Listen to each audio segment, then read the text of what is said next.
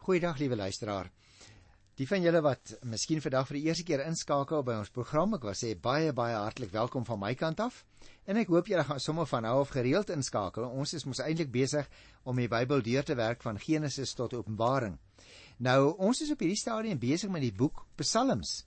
Nou is dit baie interessant om te weet dat 'n mens eintlik die Psalmbundel kan indeel in 5 verskillende boeke. Ek gaan dit nou nie weer alles vir jou noem nie, maar ek het nou verlede keer afgesluit met uh, Psalm 106 en dit was die laaste Psalm van die 4de Psalmboek. 'n Tweede opmerkingie wat ek miskien net wil maak is dat elkeen van hierdie 5 boeke in die Psalmbundel het 'n afsluiting wat elke keer met 'n lofprysing, met ander woorde loof die Here of groot is die Here afsluit. En so sal uh die mense wat gereeld luister onthou dat Psalm 106 wat dan die laaste Psalm in die 4de bundel was, afgesluit het met die woorde: Die hele volk moet sê amen, prys die Here. Ons begin dus vandag nou met die 5de of die laaste Psalmbundel wat 'n mens in die Psalmboek kry. Dit begin met Psalm 107 En ek dink is miskien net interessant om te weet voordat ons nou in die detail uh, van die boek begin ingaan, dat in hierdie 5de Psalmbundel word God geloof vir sy dade. Daar word ook gepraat van die seëninge van 'n gelowige lewe. En daar word God gedank vir verlossing en vir sy wonderlike woord wat ons het. Interessant ook volgens hierdie psalms wat ons kry in hierdie laaste bundel is 'n gelowige en gehoorsame lewe die mees volmaakte offerande wat ons aan God kan bring. Met ander woorde, liewe luisteraars, die 5de Psalmbundel wil vir ons sê, hoorie dit maak nie saak wat jy alles probeer doen om God te behaag nie. Dit help niks. En ek dink ons as Nuwe Testamentiese gelowiges kan ook maar daarby baat om dit 'n keertjie te hoor. Dat dit ons nie baat wat ons doen nie. Want ons kan uit onsself selfs ons beste werke en dade en grootste offerandes met dit alles kan ons nie regtig die Here behaag nie. O Christus het vir ons betaal sodat ons as vrymense voor hom kan lewe. Nou, liewe luisteraar, kom ons begin dan met Psalm 107 en daar word 'n hele uh, paar kere terugverwys na die geskiedenis en daarom gaan ek dit ook nie doen nie, maar is vir my interessant daar's 'n ou Ou Testamentikus. Sy boeke word nie meer so baie gelees nie met die naam van Delitzsch En hy het nou baie interessante beeld gebruik. Hy sê ons moet onthou dat eh uh, Psalm 105 en 106 albei het ons klaar gedoen verlede keer en 107 die 3 sê hy kan 'n mens eintlik met 'n klawerblad vergelyk.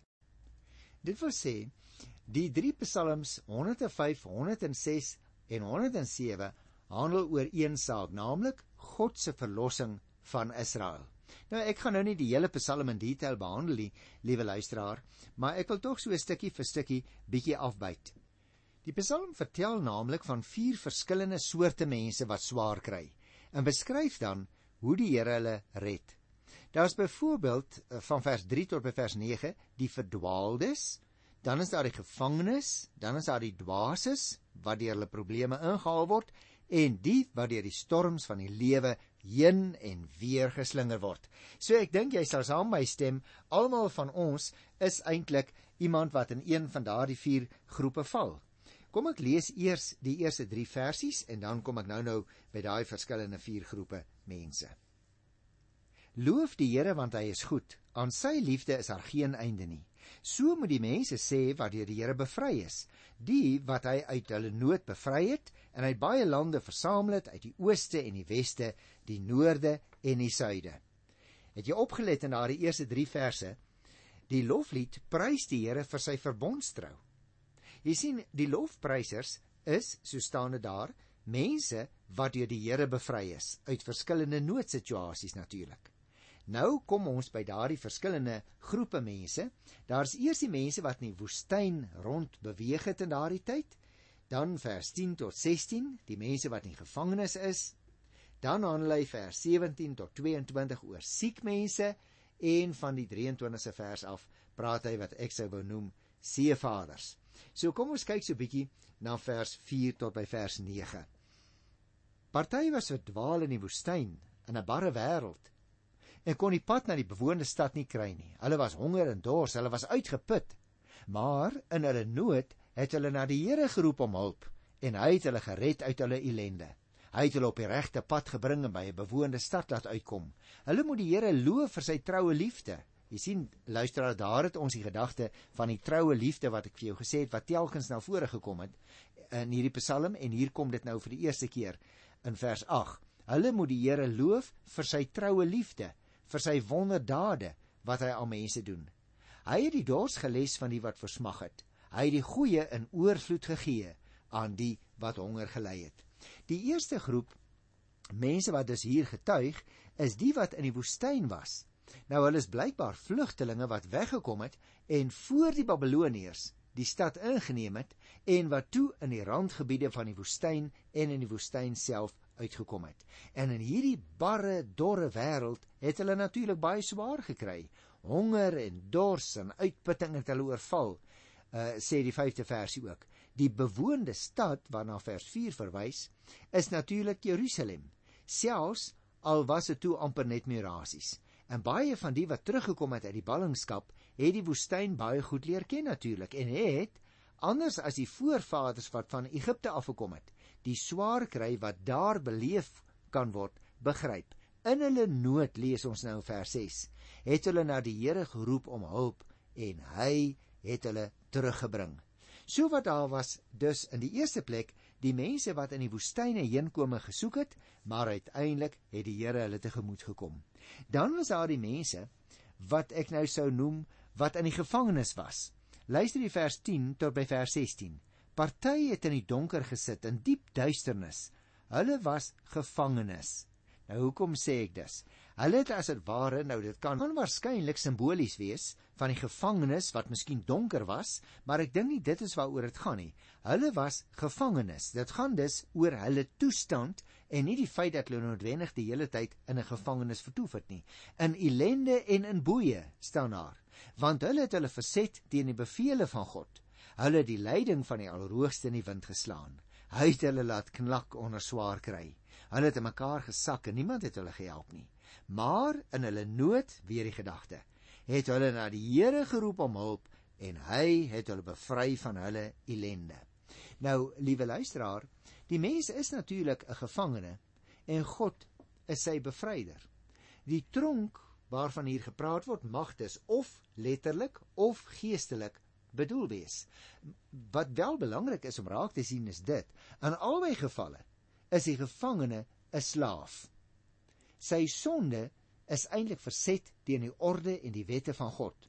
Maar ook hy kan bid hoor en hy sal vrygemaak word omdat die Here sondaars wil vergewe wat na hom toe kom.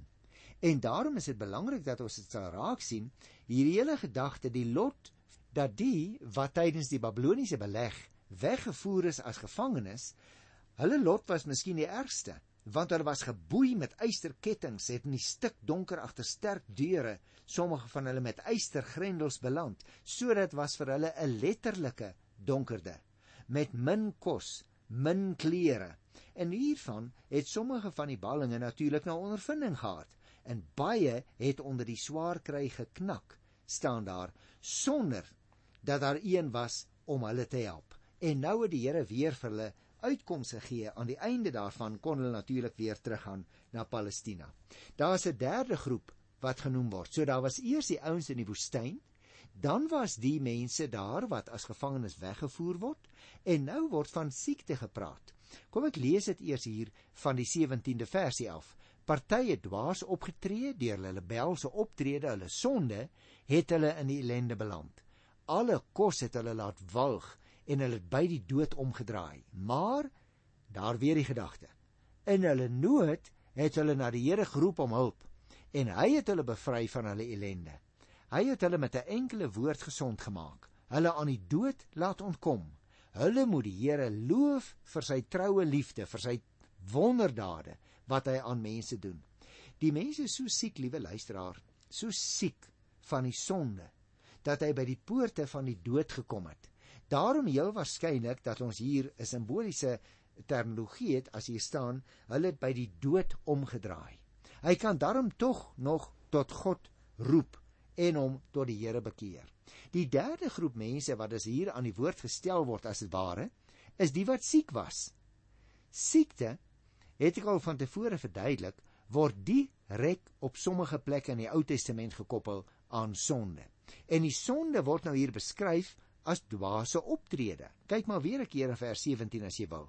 Dit wil sê hulle het nie met God rekening gehou nie en daarom het hy wat die God van orde is en reg en geregtigheid hulle in die ellende laat beland. Jy onthou ook die hele verhaal van Job wat ons behandel het. Hoe dat sekere van sy vriende gedink het Job kry so swaar en hy so siek omdat hy gesondig het. Maar dan het ons ook geleer daar is nie noodwendig 'n direkte verband tussen siekte en sonde nie. So as jy vandag siek is, dan moet jy nie dink dat dit noodwendig die gevolg is van straf omdat jy gesondig het nie. Die vierde groep mense wat genoem word, onthou nou, daar was die wat ontvlug het na die woestyn toe die stad onder beleg geplaas is. Daar was die ouens wat gevange geneem is Miskien was sommige letterlik in die donker gevangenis agter deure toegesluit. Ander was maar net mense wat gevange geneem is, nie noodwendig ehm um, toegesluit was nie, maar wat hard moes werk. Hulle was dus gevangenes van 'n situasie. Die derde groep is die wat siek geword het. En nou die seevaders. Kom ek lees 'n stukkie daarvan vers 23 af. Party het met skepe die see bevaar en hulle bestaan op die groot waters gemaak. Hulle die werk van die Here ervaar. Sy wonderdade op die diep waters. Op sy bevel het 'n stormwind opgesteek en die golwe is opgejaag. Die skip het hemelhoog gestyg en na die dieptes afgeduik. Die bemanning was radeloos van angs en het soos dronk mense gestuier en gewaggel. Al hulle seemanskuns het hulle nie gehelp nie. Maar en dan weer die refrein wat herhaal in die Psalm. Maar in hulle nood het hulle na die Here geroep om hulp en hy het hulle veilig uit die ellende gelei. Julle sien luisteraars, die mens is eintlik natuurlik ook maar 'n skreep skipbreukeling en God is ons skeepskaptein. Die storm op die see word hier in die Psalm so lewendig beskryf dat 'n mens byna seesiek wil word as jy die hele ding lees. Ek gaan nou nie al die verse lees nie want dit is 'n bietjie te lank. Dit het selfs die bemanning se mala draai lyk dit vir my as ons vers 26 mooi lees. Kom ons kyk gou daarna. Die skepe het hemel hoog gestyg en na die dieptes afgeduik. Die manning was radeloos van angs. Ek gaan so 'n bietjie verder. Nou almal van julle wat al op die oop see was, uh sou dit seker ook na naar geword het soos ek. Ek is nou nie 'n baie goeie seevader nie. Maar die punt is dan die groep wat hier genoem word, getuig oor die groot wonderdade van God. Naamlik as hulle op die see was en die see word as dit ware deur die branders die lug ingeslinger en dan is dit asof hy tussen die twee branders weer in die dieptes induik. Nou blykbaar hierdie groep krygsgevangenes in Fenisië beland waar op die groot handelskepe moes werk. Miskien was dit hulle wat op die eilande op die koms van die bevryding gewag het van wie mens ook lees in Jesaja die 42ste hoofstuk by vers 4. Dit mag ook wees luisteraars dat party van hierdie ballinge self 'n floreerende seehandel ontwikkel het. Dit ten spyte van die feit dat die Israeliete nie lief was vir die see nie. Want ek weet nie of jy al in die geskiedenis opgemerk het nie, dis eintlik maar in die tyd toe Salomo oor die land regeer het dat ons van seevaart lees in die Bybel. Hoe dat hy ook van die Israeliete laat oplei het as seevaders onder andere by die Fenisiërs want hulle het natuurlik ehm um, groot bote gehad en baie van die see geweet. Interessant ook in die regtertyd was dan blykbaar saam met Fenisië aan skeepvaart gekoppel. Jy kan gaan kyk vir 'n verwysing in die verband Rigters 5 van die 17de vers af. Vir Salomo kan jy gelees in 1 Konings 9 van die 26ste vers af. Josafat is 'n ander koning wil ek net tussen hakies sê, het ook 'n skeepvaart poging aangewend. Maar dit het skibreek gelei nog voor dit begin het. Gaan kyk maar in 1 Konings 22 vers 19. So ons moet onthou oud Israel was nooit regtig seevarende mense nie. As die Here byvoorbeeld vir Jona stuur na die groot stad Ninive, dan klim hy ook op wat waarskynlik 'n handelsboot was, maar nie 'n boot wat natuurlik aan die Israeliete behoort dit nie. As 'n mens by die Nuwe Testament kom, is dit so bietjie anders. Paulus gaan lees maar in Handelinge 27 het hierdie manne wat die see met skepe bevaar het, die geweld van 'n storm op see saam met hulle ervaar. Nou ja, goed, ek wil nou nie met jou praat oor die seevaartkuns nie. Ek wil graag aangegaan met ons uh, gedeelte van vers 33 af.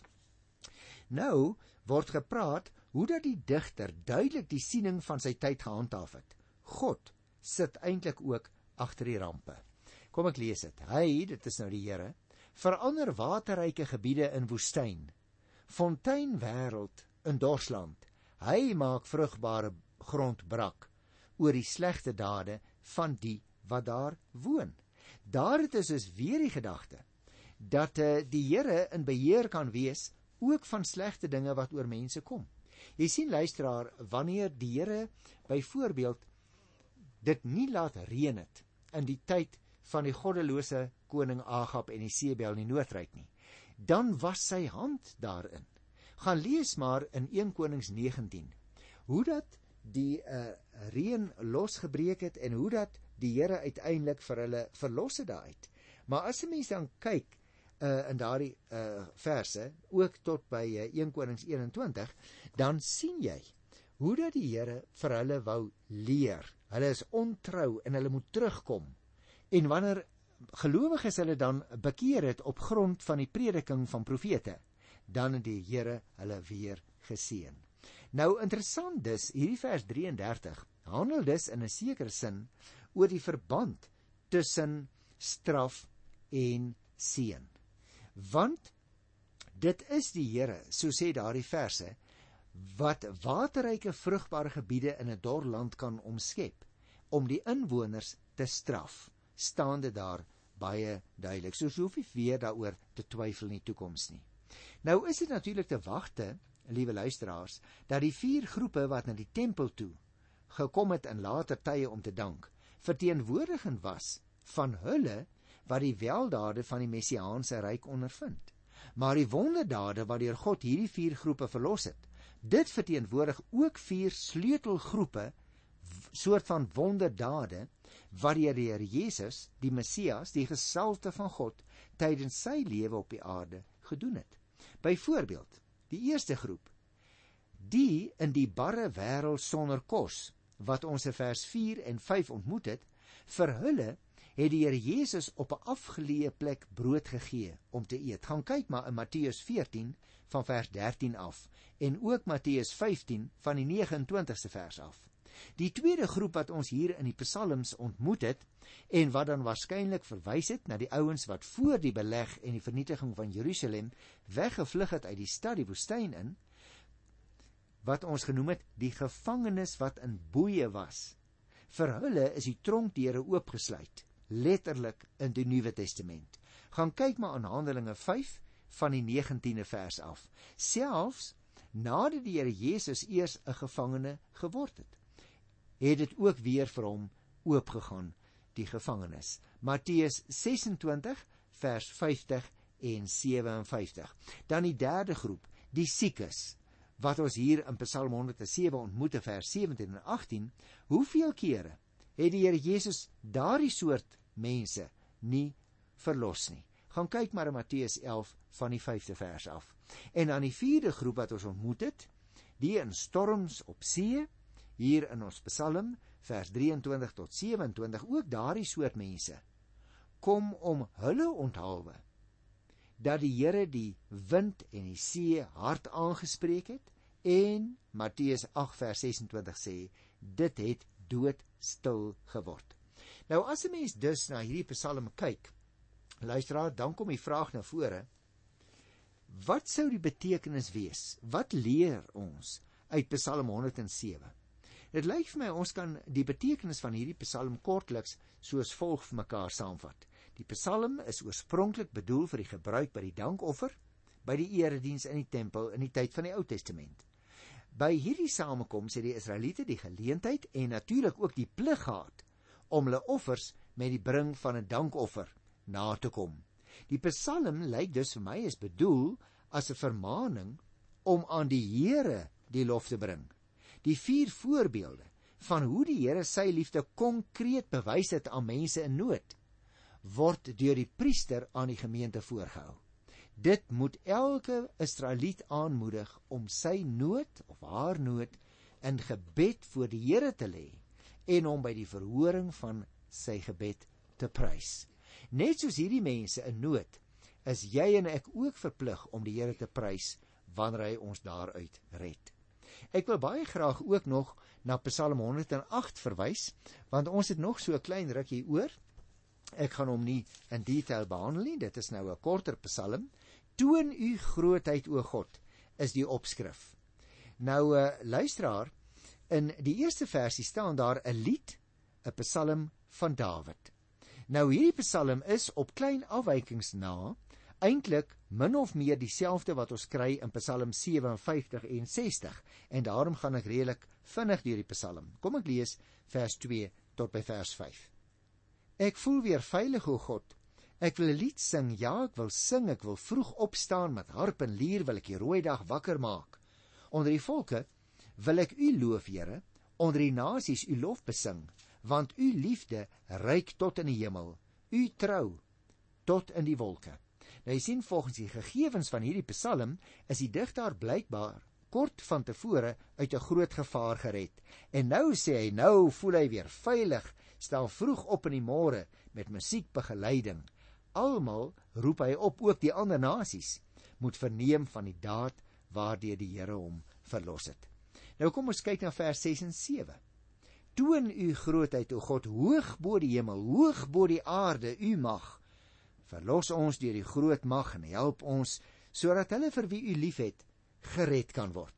Die psalmis sê dus nie baie duidelik wat hy makeer nie, wat sy omstandighede is nie, maar wat wel baie duidelik is, is dat hy ook graag wil hê dat sy volksgenote wat ook in gevaar verkeer deur die Here verlos moet word. Daarom bid hy ook vir hulle redding.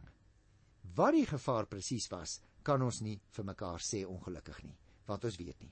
Nou luister na vers 8 tot by vers 10.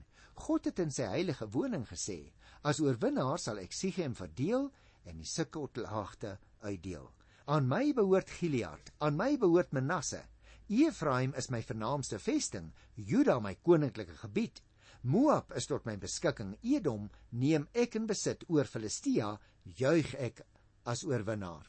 Nou moet ons onthou, liewe luisteraar, soos wat die bidder se eie ondervinding van redding sy vertroue in die Here versterk het, sodat hy op grond daarvan vrymoedigheid gehad het om te getuig. So kry ons ook nou hier iets daarvan weer terug in vers 8 tot by vers 10. Net soos Israel val jy en ek ook maar weer in tye van nood terug op die beloftes van die Here. En in hierdie verse vind ons dan as dit ware 'n oproep soos wat die Here in die verlede aan hulle verskyn het, moet hy tog asseblief weer vir hulle red. Al is dit in heeltemal nuwe omstandighede.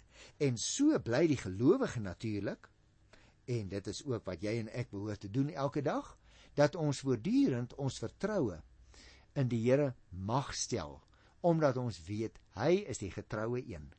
Die, die psalmis hier in Psalm 108 sluit af met die volgende woorde: Wie sal ons na Edom toe lei? Ons bring na sy goed beskermde stad? U het ons verstoot, o God. U trek nie saam met ons leers uit nie. Help ons tog teen die vyand, want die hulp van mense, dit is niks. Met God aan ons kant sal ons oorwin. Hy self sal ons vyande vertrap. Die gelowige bly dus 'n optimistiese mens. Hy bly bid. 13de vers, hy bly bely in die 14de vers al is die omstandighede hoe ongunstig. En ek dink as Nuwe Testamentiese gelowiges is dit vir ons 'n wonderlike onderskraging om reeds in die Ou Testament te lees. Maar onthou 'n bietjie Romeine 8 vers 31. Die Here sal vir ons die oorwinning gee in Christus. Al is dit nie altyd fisies nie. Ons weet die Here red ons van sonde. Hy red ons uit moeilike omstandighede. Op hom kan ons altyd vertrou. En daarom groet ek jou in sy wonderlike wonderlike naam op hierdie positiewe noot vir vandag. Tot volgende keer. Totsiens.